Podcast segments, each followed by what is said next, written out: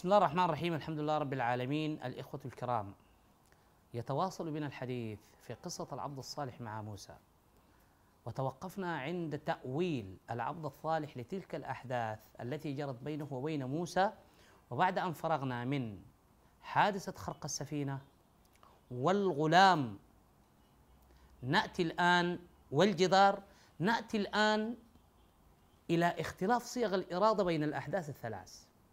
وكما كنت أذكر لكم في الحلقات السابقة لماذا في السفينة قال أردت؟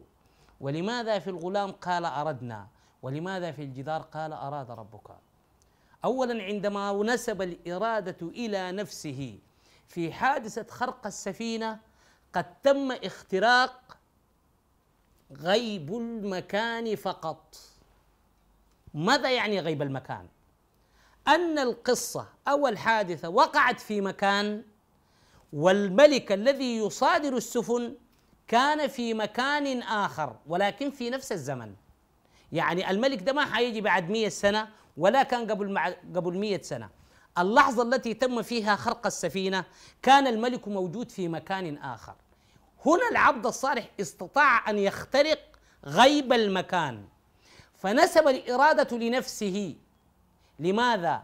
لأنه يعلم أن اختراق غيب المكان يمكن أن يكون من مقدرة الإنسان الذاتية عبر وسائل التطور. كيف؟ أنا الآن موجود بهذا الأستوديو وبالقاهرة وأستطيع أن أخترق غيب المكان ما يحدث في السودان الآن وما يحدث في الولايات المتحدة من أعاصير وما يحدث من زلزال في اليابان. بماذا؟ بوسائل التكنولوجيا عن طريق الهاتف عن طريق وسائط التواصل الاجتماعي. كلها الآن يتم بها اختراق غيب المكان. أي الأحداث؟ التي تحدث بعيدة عنك في نفس الزمان ولكنها في مكان آخر أصبح العلم بمقدوره أن يخترق هذا الغيب. وطالما أن هذا الأمر بمقدور الإنسان بالوسائل المتاحة له من العلم كانت الإرادة نسبت كلها للإنسان. قال فأردت أما عندما جاء للغلام تعلق الأمر باختراق غيب المكان كما في السابق ومعه الزمن المستقبل. تم اختراق غيب المكان لأن حادثة قتل الطفل كان في مكان بينما أبواه في مكان آخر فكان أبواه مؤمنين. واختراق غيب الزمن المستقبل فأردنا أن يبدلهما ربهم زكاة أقرب منه زكاة وأقرب رحمة. اذا اختراق غيب المكان وفي نفس الوقت معه الزمن المستقبل هذه عطية ومنحة لا تنبغي إلا من الله سبحانه وتعالى يمن بها لمن يشاء من عباده. دي ما بمقدور أي زول يا جماعة.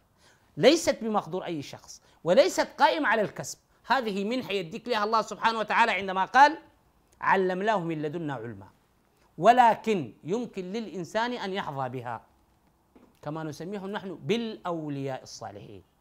لهم كرامات يستطيعون كشف بعد أستر الغيب المستقبل.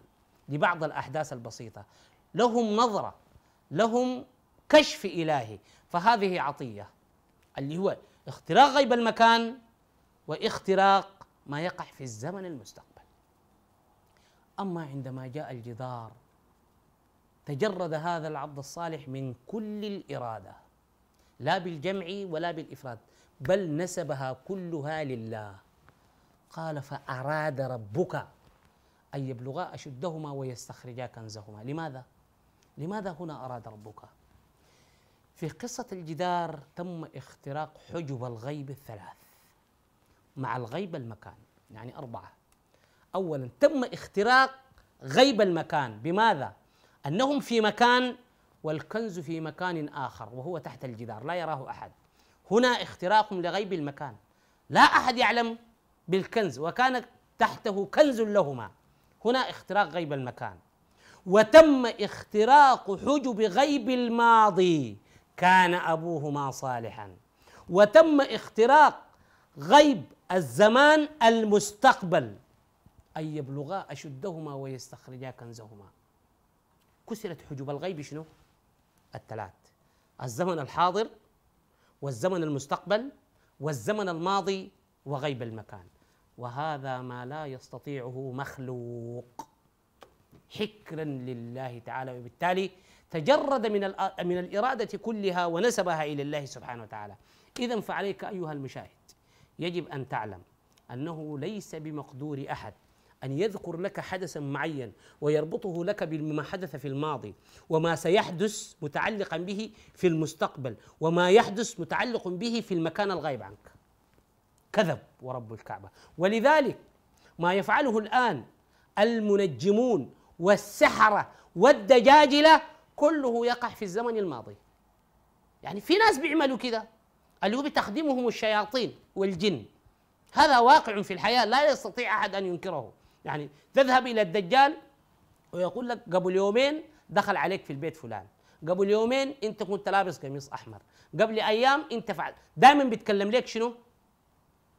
عن حدث ماضي.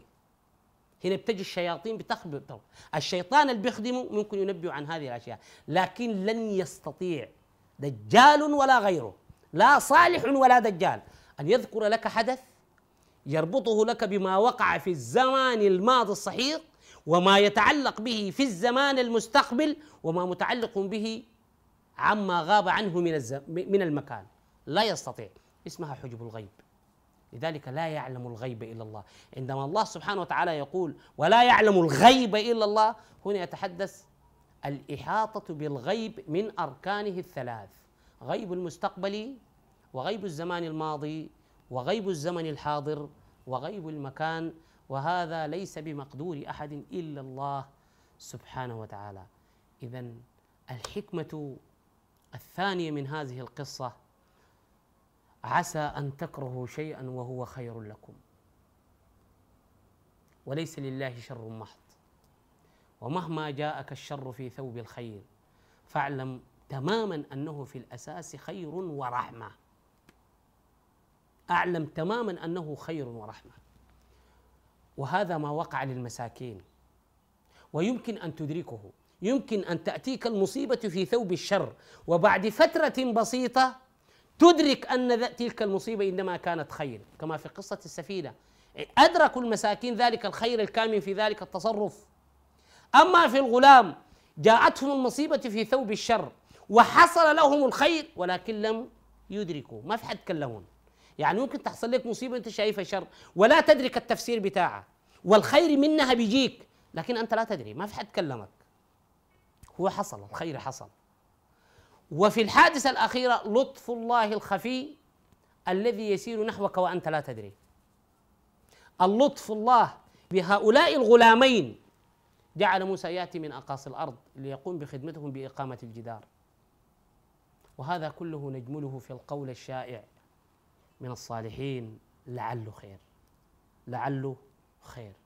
كل ما تأتيك مصيبة فشل في دراسة نقص في المال نقص في الثمرات مرض في الأسرة في جسمك في الولد تمسك بهذه الكلمة لعله خير. فهناك لطف الله الخفي الذي يسير نحوك وأنت لا تدري. أيها الإخوة الإحباب أكون قد وصلت بكم إلى ختام هذا التسلسل من القصص القرآني قصة العبد الصالح مع موسى التي أسميتها بالقدر المتكلم. وإلى أن ألتقي بكم في محور آخر أترككم في حفظ الله ورعايته. السلام عليكم ورحمة الله تعالى وبركاته.